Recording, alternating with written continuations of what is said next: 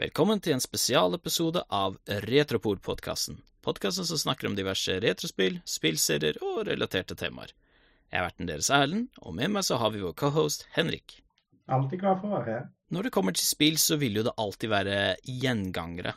Enten det er fiender, plattforming, puzzles, inventory management osv.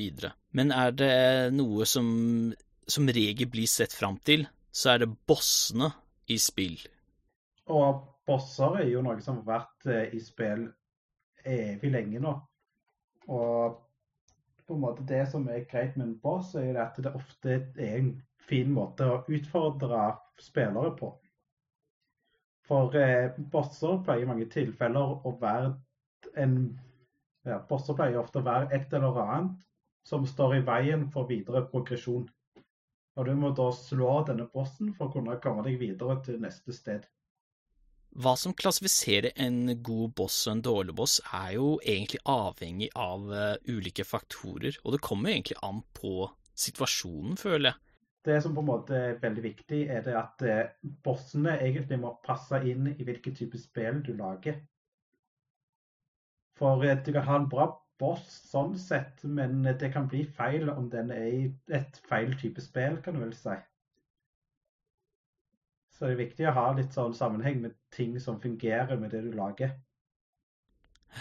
For eh, det er jo ikke nok å bare ha en boss fordi du har lyst på en boss. Det må jo liksom være en grunn til at bossen er der. Sånn Jeg kunne sagt at å, jeg har så lyst på en ond julenisseboss, men hvis det ikke er noe level i spillet som er relatert til jul, eller tema i spillet generelt. Der føles det litt sånn off, hvis eh, jeg tar det med. Ja, men du kan jo si litt det om Crash Bandicoot, egentlig. Bossene der er ganske sånn Å ja, nå slåss du mot Ripperoo. OK. Mm. Men vi har jo et par Vi kommer til å trekke inn en del eksempler da, på bosskamper. Sånn hva er en bra bosskamp, hva er ikke, hva kan implementeres, uh, osv., da. Et eksempel jeg har på en boss jeg er veldig glad i, det er jo Mr. Freeze fra Batman Arkham City. Det som gjør Mr. Freeze så bra her, er at uh, Det som gjør Mr. Freeze så bra for min del, er at uh, for det første, det er ikke en boss du bare kan bombrushe, at du bare flyr på den og går berserker. Det er en boss som er altfor kraftig til at du kan angripe han der og da. Du er nødt til å være litt mer defensiv, og så er det sånn at du må bruke arsenalet ditt til å slå han. Mm. Men greia er at når du bruker et angrep La oss si du bruker Det første angrepet for å ta ut et liv av han, er at du bruker explosive gel til å ta ut det første livet. Men så er det sånn at når du har gjort det angrepet, så kan ikke du bruke explosive gel mer, for da vil Mr. Freeze øh, oppdatere drakten sin slik at han blir mer immun mot den hvilket fører til at du kan ikke spamme angrepene dine når du slåss mot han. Du må så å si bruke ditt, hele ditt arsenal for å slå han. Ja, det er litt sånn kreativt, for eh, hvis du på en måte plutselig finner ut at eh, bomber ikke funker, hva gjør du da? Ikke sant? Og det fører jo til at du må tenke kreativt. Du må finne ut OK, hvis dette ikke funker, da må jeg prøve å finne ut Da kan det være at dette her funker. Dette funker det bra. Nå funker ikke det. Hva funker nå, da? Og da må du prøve å tenke fram til hva kan funke mot denne bossen. Hva er det du føler, Henrik, er en bra bosskamp? En bosskamp kan være så mangt. Alt fra en racing-boss til på en måte en sånn skikkelig kamp mot ting. Men det som på en måte fikk meg til å tenke litt på bosser og bossdesign generelt sett, var jo Shadow of the Colossus. For den fikk meg til å se på at bosser kan være så mye mer enn på en måte en kan man si, klassisk boss som har tre liv, slår han tre ganger sånn død. Og det er det at eh, selve bossen i seg sjøl er en dungeon. Jobben din er å finne ut hvordan du på en måte finner, klarer å ta ut et beist du møter på. For alle beist har et svakt punkt, men den er skjult eller dekket til på forskjellige måter og kan være vanskelig å få tak i. Og Det gjør jo at du på en måte må bruke mye av tiden din på bossen. Det er ikke nødvendigvis å slåss mot bossen din. Hele jobben din, og nesten 90 av jobben din, å finne ut hvordan du klarer å finne svakhetspunktet på kjempen. Og fra der, da begynner du å slåss mot bossen. Så det er på en måte et puslespill du må løse, og payoffen er det at du kan klare å slå han. Så det er litt sånn veldig kul måte egentlig ha en boss på. Ikke sant? Det er liksom noe med Det er også noe med å slåss mot noe som er sånn gigantisk, at det ikke liksom er en liten fiende, men at du At så å si bosskampen tar hense oppå bossen. Ja, det er det første spillet på en måte jeg har spilt, der du på en måte ser opp og sånn Wow! Denne her var diger. Sånn. Klarer ikke helt å se for deg på en måte hvor svær denne tingen er. Og det er jo det er jo en ting som er veldig viktig. Presentasjon. For å presentere en boss, eller få frem at denne bossen er en trussel, det er jo et stort pluss i spill. Mm. For eh, det er jo egentlig to ting som jeg vil si definerer en veldig god boss. Nummer én presentasjon. Du må kunne finne en måte å presentere bossen på som gjør at du automatisk blir interessert i å slåss mot den bossen der. Det er enten da gjennom musikk, historiefortelling eller andre måte, faktorer. Og den andre tingen som gjør en god boss, er vanskelighetsgraden på bossen. For det, presentasjon hjelper veldig mye, men det må likevel være en utfordring å klare å slå en boss. Og jo mer utfordrende den er, jo mer på en måte engasjert kan du bli i å slå denne bossen. her. Jeg har et prakteksempel på god presentasjon til en boss. Det er jo sånn som vi har snakket om i Punch-Out-episoden vår, nemlig Mr. Sandman. Sandman er jo da siste bossen i spillet, men det som gjør han så bra til å være en siste boss, er jo det at uh, han Det bygges opp til at han er den mekka Han er jo champion. Champion i spillet. Men du får jo vite at han er ganske sterk og kraftig.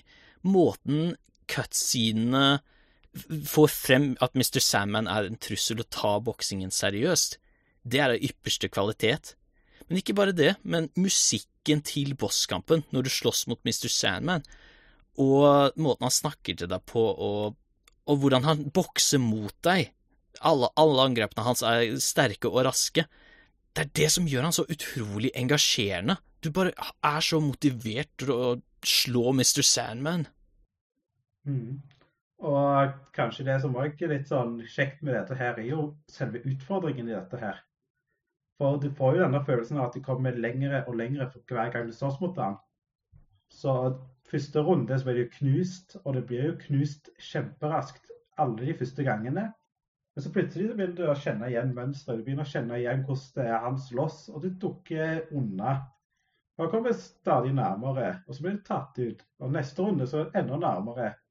Og så plutselig så tar du enda en runde, og så dauer du med en gang fordi at du var ikke fokusert.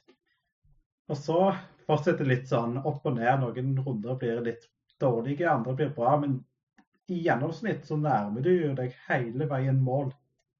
Og ingenting er mer tilfredsstillende at du har lite liv igjen, Mr. Salmon har lite liv igjen, du er så full av adrenalin, du biter tennene hardt sammen, så bare får du inn det siste slaget, og så bare!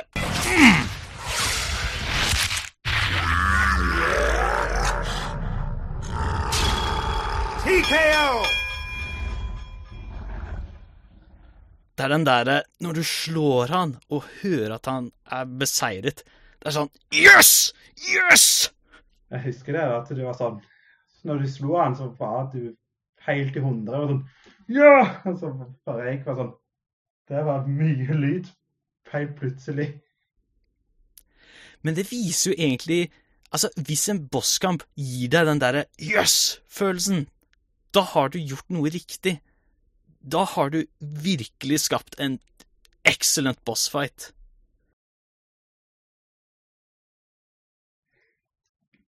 Og kanskje det som er litt sånn interessant med på en måte spill, og spesielt da spillfranchiser, er jo det at du kan ha en boss som er med i flere forskjellige spill. Og Et godt eksempel på det er Dracula fra Castlevania.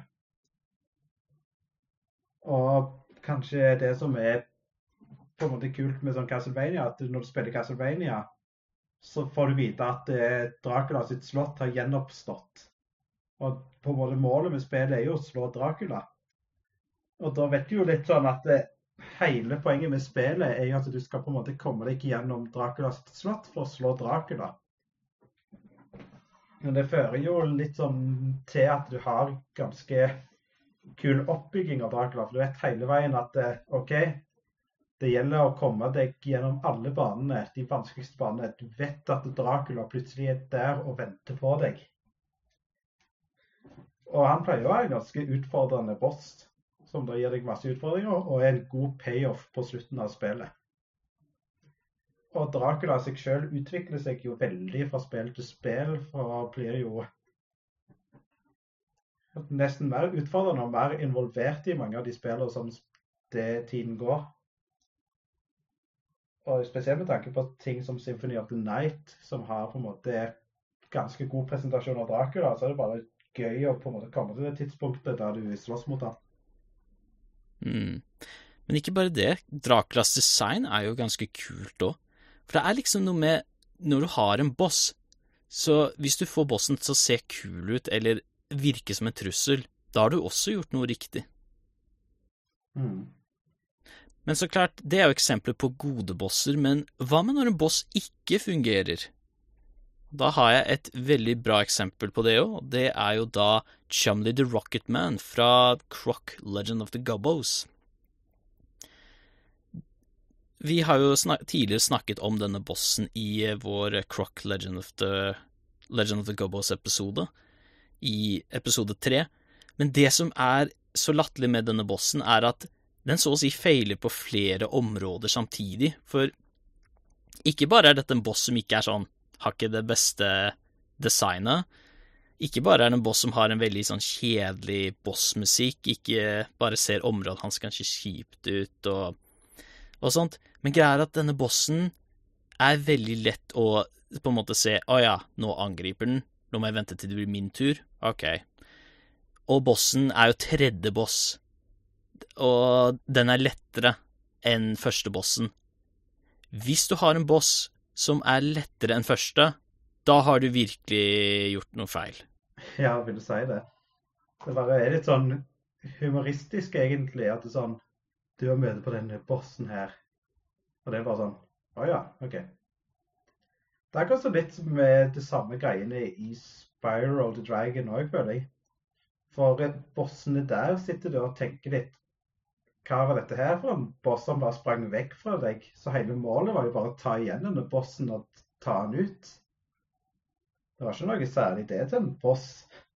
Jeg tenker på f.eks. Nasty Nork fra Spiral Dragon. Han gjør jo egentlig ingenting. Det er ikke en boss nesten i den forstanden. Du bare springer etter han og tar han ut. Kunne like heller gjerne bare vært et racing level, egentlig. Mm. Men for så vidt det som òg ofte er tilfellet med gode spill, er det at de har gode skurker, men har òg ofte et skikkelig bra siste boss. Og på en måte Siste boss er jo siste boss. Det sier det jo seg selv i navnet. Det siste bossen du tar og slåss mot før spillet på en måte er ferdig. Og enkelte spill så vil jo ikke det være noe særlig. Men eh, for så vidt i veldig mange spill så er det virkelig klimakset i til hele spillet er siste boss. Det er det du har bygd opp mot hele spillet, og på en måte det som er på en måte Der hele budsjettet på spillet på en måte er brukt omtrent. Det er for dette øyeblikket her du har bygd opp på. Big budget, eh, strålende avslutning. Og for så vidt er vel ingen sånn den type avslutninger jeg har følt som har matcha Ganondorf i Ocarina of Time. Og grunnen rett og slett for det er jo det at eh, Ganondorf gjennom Ocarina of Time er der fra første sekund omtrent. For når du starter spillet, så starter du med at Link plutselig står foran Hyrule. Og plutselig så åpner slottsmurene seg. Og ut springer Zelda sammen med Impa. Og plutselig så kommer det en ny person som står foran deg på en hest, som da er Ganondorf. Som bare ser ned på deg. Og plutselig så på en måte våkner du opp og på en måte starter historien. Så da sitter du der litt sånn med Hva var egentlig det første der? Det var interessant, det var spennende. Det, det må ha noe med fremtiden å gjøre. Men du ser ikke noe mer av dette for mye seinere. Men du, føler, du, vet hele veien at de advarer, advarer, deg mot denne skikkelsen. Han er skummel. Du må prøve å stoppe han. Men allikevel så føler du alltid at du er ett skritt bak han. Så du får jo hele veien den oppbyggingen med at du ser at han lykkes, ødelegger nesten verden, så at alt er zombier og ødelagt. Og du på en måte får den tilknytningen til at han er du faktisk nødt til å stoppe. Og han kan ødelegge alt. Og når du da først da på en måte konfronterer han, så blir du jo møtt av en helt ekstremt bra presentasjon og en veldig solid siste boss. Du har en veldig god build-up til Ganondorf med at du hører at han spiller orgel når du er på vei opp til siste bossområdet, da. Så er jo den første fasen av han er jo ganske kul, for det er jo en boss når Første gang du spiller mot han, så tar det jo litt tid før du finner ut hvordan i all verden skal slå Ganondorf. Og når du klarer den biten, da er det liksom ikke over. Oh no. Because there's more. For når du tar ut Ganondorf, så forsvinner jo magien hans, og tårnet som han er i, begynner plutselig å kollapse. Så da må du jo sånn i all hastverk klare å komme deg ned til, ut av det slottet her før det kollapser. Og med den tidsbegrensningen og den musikken, så på en måte får du jo den angsten. Klarer du å komme deg til bånn raskt nok? Og heldigvis så klarer du jo det. Og da står det jo der at du, altså du så Link og Zelda som hadde kommet seg ut derifra og tenker sånn Nå er det endelig over. Du ser jo at eh, hele tårnet hans har kollapsa ned til bakken. Men plutselig så kommer Ganondorf ut av ruinene og transformerer seg til Ganon. Bare det når Ganon lander på bakken og brøler mot deg mens lyn og torden går av i bakgrunnen. To svære sverd en monster eh, som på en måte er klar til å ta deg ut i en brennende arena du ikke kan springe vekk ifra. Det er på en måte sånn ultimate eh, Dette her er det det er bygd opp mot. Det er bare du mot Gannon. Det er ingen måte du å avslutte det på, enten at du dreper han, eller han dreper deg. Det er det. Det, det gir deg en skikkelig sånn der eh, nå skal jeg, nå skal jeg slå Ganondorf. Nå skal jeg ta han. Ja, det bare er rett og slett hele presentasjonen. Det er Vanskelighetsgraden er på en måte på et godt nivå. Men bare den totale presentasjonen der er helt på et Det er på et helt topp solid nivå. Så vi har jo Vi har trukket inn eksempler da, på det som gjør en bosskamp bra. Men eh, når det kommer til bosskamper, så vil du ofte se at eh, selv om du har noen eh, bra bosskamper i ulike spill, så vil det alltid være noen bossklisjeer, kan man si, som er gjengangere. Og det kan dra spillet ned til en viss grad. Det er jo igjen, det er jo avhengig av hvordan det er gjort, men hvis det er et par ting Henrik jeg ikke er så fornøyd med, så er det for det første Du kan ha bosser som er for like hverandre. Og hva jeg mener med det, er jo f.eks. Cooperlings i New Super Mario Bros. og i Super Mario World. Greit nok at sånn, i prinsippet så er de litt forskjellige, for de har sine egne tryllestaver som kan gjøre litt forskjellige magier. Men det er bare hele strukturen rundt det er helt likt. Du går inn i et slott, du møter de i en liten arena som er omtrent like stor på alle sammen. Og så tar du dem ut med å slå de tre ganger det er på en måte så på formel. Det er på ingen kreativitet i det, nesten. Det er ikke som å kjøpe en sånn ferdigpakke. Dette her er bosspakke. Du kan bruke denne her. Den fungerer på alt, men det betyr at alt er likt. Så det blir ikke så veldig unike på samme måte som det bossene i New Super Mario Bros. på DS var i forhold. Det blir veldig mye copy-paste, egentlig. Sånn, spør du meg om en tilfeldig boss fra Donkey Kong 64 eller Banjo Tooie, så kan jeg fortelle deg mye om hvordan bossen ser ut, hvordan du slåss mot bossen og litt sånne ting. Men Cooperlings, så er det sånn eh, Jeg husker at eh, Ludvig har blå eh, Beethoven-sveis, men that's about it. Mm. Og Roy har solbriller. Det er sånn Men hvordan var selve bosskampen? Det er sånn I don't know. Nei, så hva, Husker jeg noe det, egentlig? Sånn, ja, men eh, Det er på en måte du sitter der og sånn Husker du noe av det? Sånn du på en måte Akkurat sånn med Det er akkurat som i Donkey Kong 64, da du plutselig slåss mot Mad Jack, som da er sånn skummel eh, ting, Jack in the Box, som da har stemme til Donald Duck, og som hopper fra plattform til plattform som du må ta ut. Og det var sånn hele det der, både fra musikken til presentasjonen til lydene han lager Du husker fremdeles den Mad, in Mad Jack in the Box som bare lager Donald-lyder. Ikke sant? Der, hvis du Når du skal ha en bosskamp, så vil du gjerne at hver boss føles lik ut, men at du heller ikke slåss mot dem på samme måte. For ellers så blir det fort gjort at uh, jeg husker at jeg sloss mot bossen, men jeg husker ikke musikken, jeg husker ikke hvordan jeg slo bossen. Jeg bare husker at jeg, jeg så den bossen, og that's it. Mm. Men det er på en måte, den husker du, for det var sånn Det var skummel, det var kul. det var sånn Jeg husker ennå det at du på de plattformene så plutselig så går de oppover, og du er på en elevert bakke. Ikke sant? For dette her er jo eksempel på presentasjon. Rett og slett god presentasjon. Det er jo Altså, har du en boss med manglende presentasjon, enten det kan være bossmusikk eller måten du slåss med bossen på, sånn som vi har tidligere nevnt, det er liksom Det sitter ikke igjen. En, en tredje ting vi ikke er så veldig glad i, det er jo bosser som er for repetitive.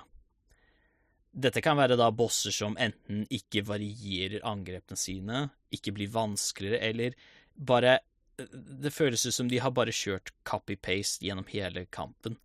Altså, du har jo sånn som uh, Papu Papu fra Crash Bandigoot 1, hvor det er han gjør et angrep, hopp på hodet hans. Han gjør angrep igjen, hopp på hodet hans igjen. Han gjør eh, det samme angrepet igjen som du har gjort de to tidligere gangene. Du hopper på hodet hans igjen. OK, det var det. Mm. Det er jo sånn ekstremt enkelt å bare sitte der. OK.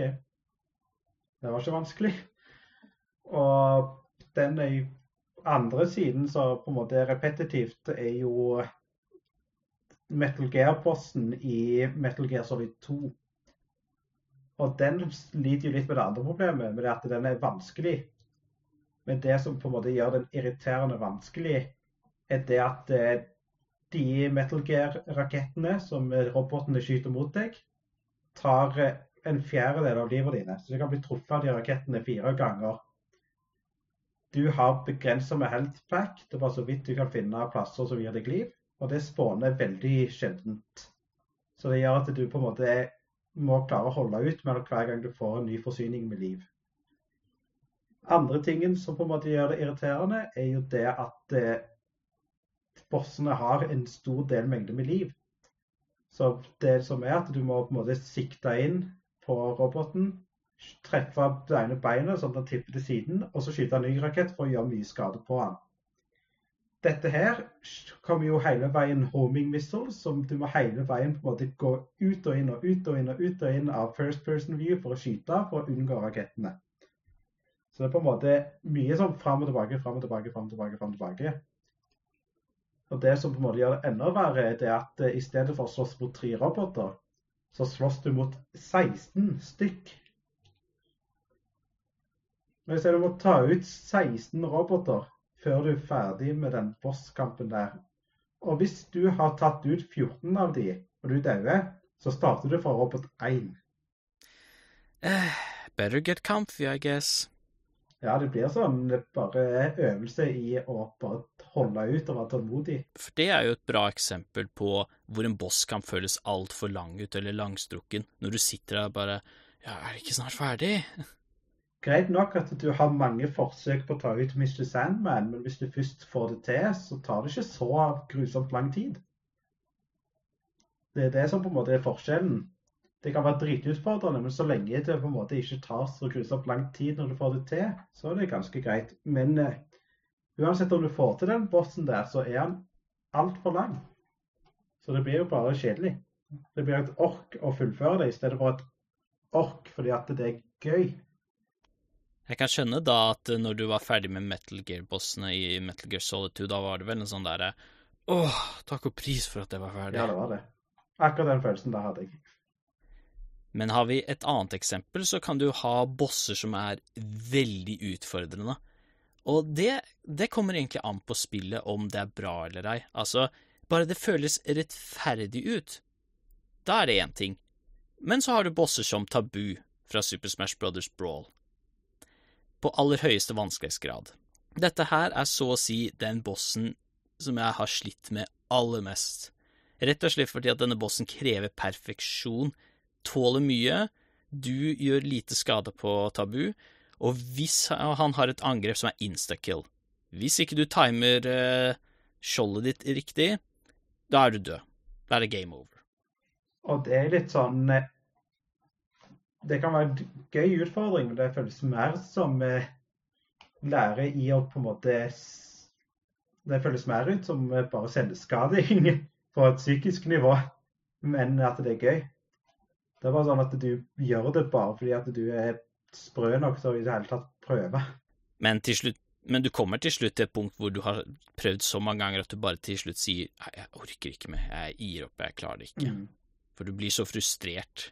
Og da er bossene nesten for vanskelige. Men du har også the opposite side, som er bosser som er altfor lette. Ja, og bosser som er altfor lette, det finnes det jo en del av. Og det er jo noe som på en måte ofte har plagt meg med en god del Nintendo-spill. For Nintendo har gode, vanskelige baner i mange spill. Men en ting som de ofte har vært relativt eh, dårlige på i mange spill, er siste bossen. Siste bossen i mange av de spillene der har vært eh, bare såpass mye lettere enn banen i seg sjøl. At du sitter der og tenker hvorfor kunne ikke de lagd denne bossen vanskeligere? Og ingen Nintendo-boss har fått meg til å bli like sur og oppgitt og irritert som siste bossen i Super Mario Galaxy 2. Og hele grunnen til det er det at Bowser var rett og slett altfor lett å slå. Bossen er i to faser. Der den ene er at du er på en ganske stor sånn planet, en sirkulær planet, der Bowser flyr rundt i kjempeform og prøver å ta deg ut med ildkuler og sånt. Det som skjer, er at han slår, en, slår hånda si inn i planeten, og det får eh, kuler av planeten til å dette ut, som du da bruker til å slå inn i Bowser for å ta skadene. De gjør det tre ganger, han faller ned på bakken. Bossen var greit nok, var ikke så vanskelig. Og så plutselig så er det en ny fase det er på en måte siste fasen av Bowser. Dette her kommer til å bli kult. Du blir sendt ut i på en måte, verdensrommet. Du ser den presentasjonen med at du blir dratt mot Bowser og lander på forskjellige kuler. Du har ekstremt sånn, Det er skikkelig klimatisk musikk som er bare råkult. Og alt er på en måte sånn perfekt setup til at dette her kan være en kul bossfight. Det eneste du gjør, er at du flytter Mario Sånn at han ser direkte på Bowser, gjør en ground pound, sender en kule mot Bowser. Det treffer Bowser, tar skade, gjør det to ganger til, og du har tatt han ut, og det er ferdig. Det var det? Ja, det var det. Hm. Ja, det er vel ikke akkurat den siste bossfight som uh, sitter igjen, kan man si, slik som med Mr. Sandman? Ja, for å si det sånn, jeg satt der og var ferdig, og bare tenkte Hæ, går det an? Går det an at denne bosskampen her er så enkelt? Jeg var sånn seriøst ekstremt irritert og dritsur på en stund på det der. For jeg hadde jo spilt Mario Galaxy det første, og Bowser er ikke akkurat sånn direkte vanskelig der, men i det minste så var jo faktisk kul siste boss. Og da føles det jo som en så stor nedgradering. Når Mario Galaxy 2 det skal være mer Mario Galaxy, mer kule bosser. Og så Bowser er bare så enkelt at det bare blir kjedelig. All den presentasjonen du heiv på det, blir ikke gøy når det ikke er utfordrende til å klare å ta det ut. Alt det bare faller ifra hverandre som et korthus, fordi at det er så enkelt å ta det ut at du bare blir apatisk av det. Ja. Altså, siste bossen skal jo liksom være den derre Å, det er siste boss! Det skal være Det skal avslutte på en knall måte. Det er som om Altså, det er jo litt sånn som om noen, noen skulle feire bursdagen din, og så sier alle at 'Å, du kommer til å få en god kake, denne kaka kommer du til å elske'. Det bygger seg opp til det, og så når du kommer hjem og så får du kake, så er det én pannekake uten noe sånn der sukker på, eller bacon, syltetøy, eller noe digg. Det er bare én plain pannekake. Ja, det, er jo en måte å på en måte knuse forventningene på. Og det er jo litt det da, at eh, hvis du har spilt en del spill, så begynner du jo plutselig å ha litt forventninger. Det går jo på både godt og vondt. Men eh, det var rett og slett at jeg hadde så gode forventninger. Fordi at det var et perfekt sånn Nintendo på sitt beste. Det var en av de seinere Wii-spillene. Alt skulle på en måte være sånn grandiøst med dette her. Og så hadde du bare den bosskampen der som var så lett som ingenting. Det var sånn Jeg spilte gjennom spillet. Det var et gøy spill. Og mange av de senere banene var dritgøye, men du blir skuffa likevel når på en måte du bygger opp så mye på siste bossen, og så klarer ikke den å levere.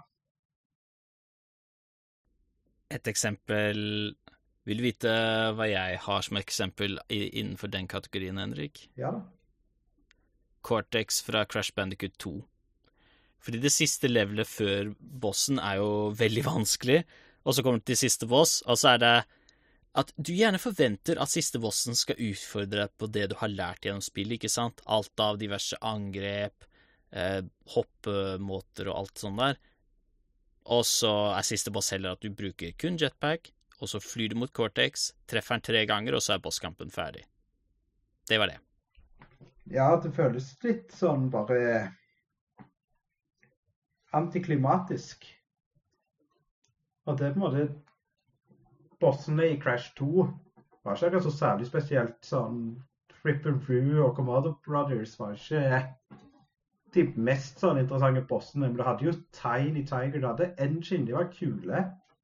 Og da er det litt sånn Å ja, Cortex skal være ganske kul. Han var jo litt sånn kul boss i Crash 1. Så det føles så rart ut at uh, han bare flyr vekk. Det eneste du gjør, må bare ta han igjen og slå til han. Og det er litt sånn OK, hva var det Cortex gjorde, egentlig?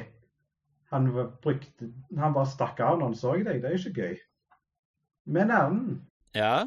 skal si noe som jeg Du vet jo den der bossen General Scales fra Star Fox Adventures? Ja, han var ganske kul. Ja, det var på en måte kule skurk. Du ble introdusert han tidlig. Du møtte litt på han med sånne samtaler, og du på en måte så fram til å ta, slå han ut, ikke sant? Ikke sant. Det er jeg enig i. Ja. Var ikke det gøy når han plutselig bare daua? What? Rett foran deg. Og så plutselig så var det Andros som plutselig var skurken. Og hadde vært skurken som på en måte bare brukte General Scales uten at du visste at han ble brukt. Hæ? Nei, det, det er jo skuffende, jo. Det, det si, Når du Siste bossen skal være siste boss. Uh, altså But what if it wasn't? Altså Altså, det er veldig skuffende. Det er, det er sånn som i Det ville vært som i Banjo Kazooie hvis Grøntilda ble bytta ut med Klungo i siste liten. Det er sånn Dette her var ikke den siste bossen jeg hadde forventa. Og det er jo nesten like ille som å ha en på en måte en skuffende enkel siste boss. Fordi at du har jo, på samme måte som du forventer at en boss skal være vanskelig, så har du òg visse forventninger til hva siste boss skal være. For siste boss som ikke er siste sånn siste boss så lenge det er gjort Altså, det går an, hvis du eventuelt har en eh, bossfight med den som er Eller vi trodde først var siste boss, og eller at det er bygd opp til at en lakeier kom til å bli siste boss før det. Men det at du bare plutselig har sånn helt ut av ingenting, det er sånn Ja, men det her var ikke det jeg forventa. Det Ja, for det er på en måte du, Det er ingen indikasjoner på at det plutselig er en annen siste boss. Og det bare føles så rart ut. Jeg har brukt på en måte all den tiden til å bygge opp den ene karakteren, og så bare He's gone now. Du vet jo ikke helt eh, du, sitter der med en sånn veldig sånn sur følelse på det. Sånn, hva var hele poenget med denne karakteren, hvis han på en måte bare er der for å forsvinne? Det er sånn Ja, hvorfor bare bruker du ikke han her andre, da? Hvis han kom til å bli siste boss uansett. Det er liksom Det er like gjerne bare greit å starte manuset på nytt igjen, da. Clean the slate, start all over again. Mm. Det er, det er, jeg har akkurat det samme problemet med filmer som Frozen og Zootopia, hvor plot-twist-skurken viser seg å være en karakter du ikke hadde sett for deg i det hele tatt kom til å bli skurken. Det sånn What? Det her kommer ut av ingenting, jo. Ja, det er litt sånn Det som ofte er litt sånn kult, er det at du, i mange tilfeller så finner jo heltene delvis ut at denne personen her kan være skurken, og så viser det seg at det faktisk er han som er skurken. Men i Zootopia så bare er det sånn Å ja, det var jeg som var skurken. Og sånn Hæ? Og det er litt sånn Det ødelegger jo bare så mye for Man får jo ingen på en måte indikasjon på noe som helst. Og det er det verste, føler jeg. Ja. Men vi har spart noe veldig spesielt til slutt, for uh, nå har vi jo snakket om diverse bosskamper, hva som er bra, hva som er ikke.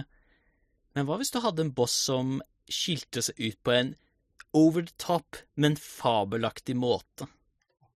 Ja, det vet jeg akkurat hva det er du tenker på. Og før vi sier det, en liten spoiler warning. Hvis vi anbefaler sterkt at dere stopper nå, går og spiller Conquers Spare for Day, og så kommer tilbake en hit. Og bare som det nevnte, mens dere spiller spill For hva enn du gjør, ikke søke opp noe som helst om dette spillet her før du er ferdig med å spille det. Det er vår anbefaling. Mm. Men hvis ikke du har noe imot spoilers, så fortsetter vi. For den bossen vi har valgt å ta for oss til slutt, det er The Great Mighty Poo. Åh. Det Great Mighty Poo har en veldig sånn kul build-up, egentlig. Fordi at Conquer's Bad Fur Day er jo veldig absurd. Og plutselig så kommer vi jo til et sånn kloakkområde der du møter på gjødselbiller som da jobber inne på dette kloakkområdet. Og så snakker du med noen av disse her, og så finner du ut at den ene forteller om kompisen hans som plutselig bare forsvant og ble dratt ned inn i kloakken. Mens han andre da klarte å stikke av. Så på en måte sånn Du må se hva som er der inne. Er det noe skummelt der? Så da går du jo inn der. Og kommer du til et sånt område der det er masse kloakk og drit og lort så da ser du plutselig bare sånn maiskorn som går rundt omkring. Du slår til et av de maiskornene der, og så hører du en stemme som sier at du skal gi det maiskornet til han. Og så hiver du da maiskornet ned i kloakken, og så blir det plutselig Jaws. Du ser plutselig at den eh, maiskornet blir dratt tak i med noe, før den svinger rundt i vannet, før det blir dratt rett ned og forsvinner. Du fortsetter likevel med å hive flere maiskorn nedi, helt til du hiver nedi det siste maiskornet. Og så kommer bossen frem. Og det er jo en stor, ja, mektig avføring. Men det som er greia, er at Great Mighty Poo, han synger sin egen låt. Men ikke bare synger han sin egen bossmusikk, men det er i opera. En skikkelig teatralsk boss. Det var sånn Hæ? Og ikke nok med det, men sangteksten er jo bare dritmorsom. Det bare sånn Det er så absurd. Du bare sitter der og ler, og du skjønner jo ikke helt uh, hva du ser. Du har ingen forventninger til noe som helst av dette her. For han synger jo ikke bare om seg selv og hvor mektig han er, men han synger om hvordan han skal kverke deg og Altså, dette her er en boss som er sånn Du sitter der bare Hva i alle dager er det jeg ser nå? What is this? Men ikke bare det, men bosskampen i seg selv er jo faktisk ganske bra, fordi bossmusikken starter jo ganske rolig, det er relativt lett, men det blir vanskelig etter hvert som du fortsetter. Og bossmusikken blir faktisk mer intens jo mer du holder på. Så det blir sånn derre Ikke bare starter har det en bra build-up, men avslutter på en sånn åh, supreme måte. Og ikke nok med det, du slår ham og hiver dopapir i munnen hans. det som er litt artig, er jo vi fikk møte Rare-folka på retrospillmessen. Inkludert han som hadde stemmen til Great Mighty Poo.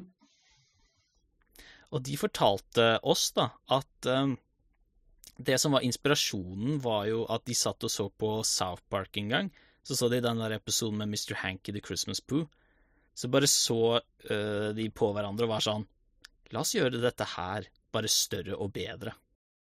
Og jeg vil si de They succeeded. Ja, det vil jeg si de gjorde.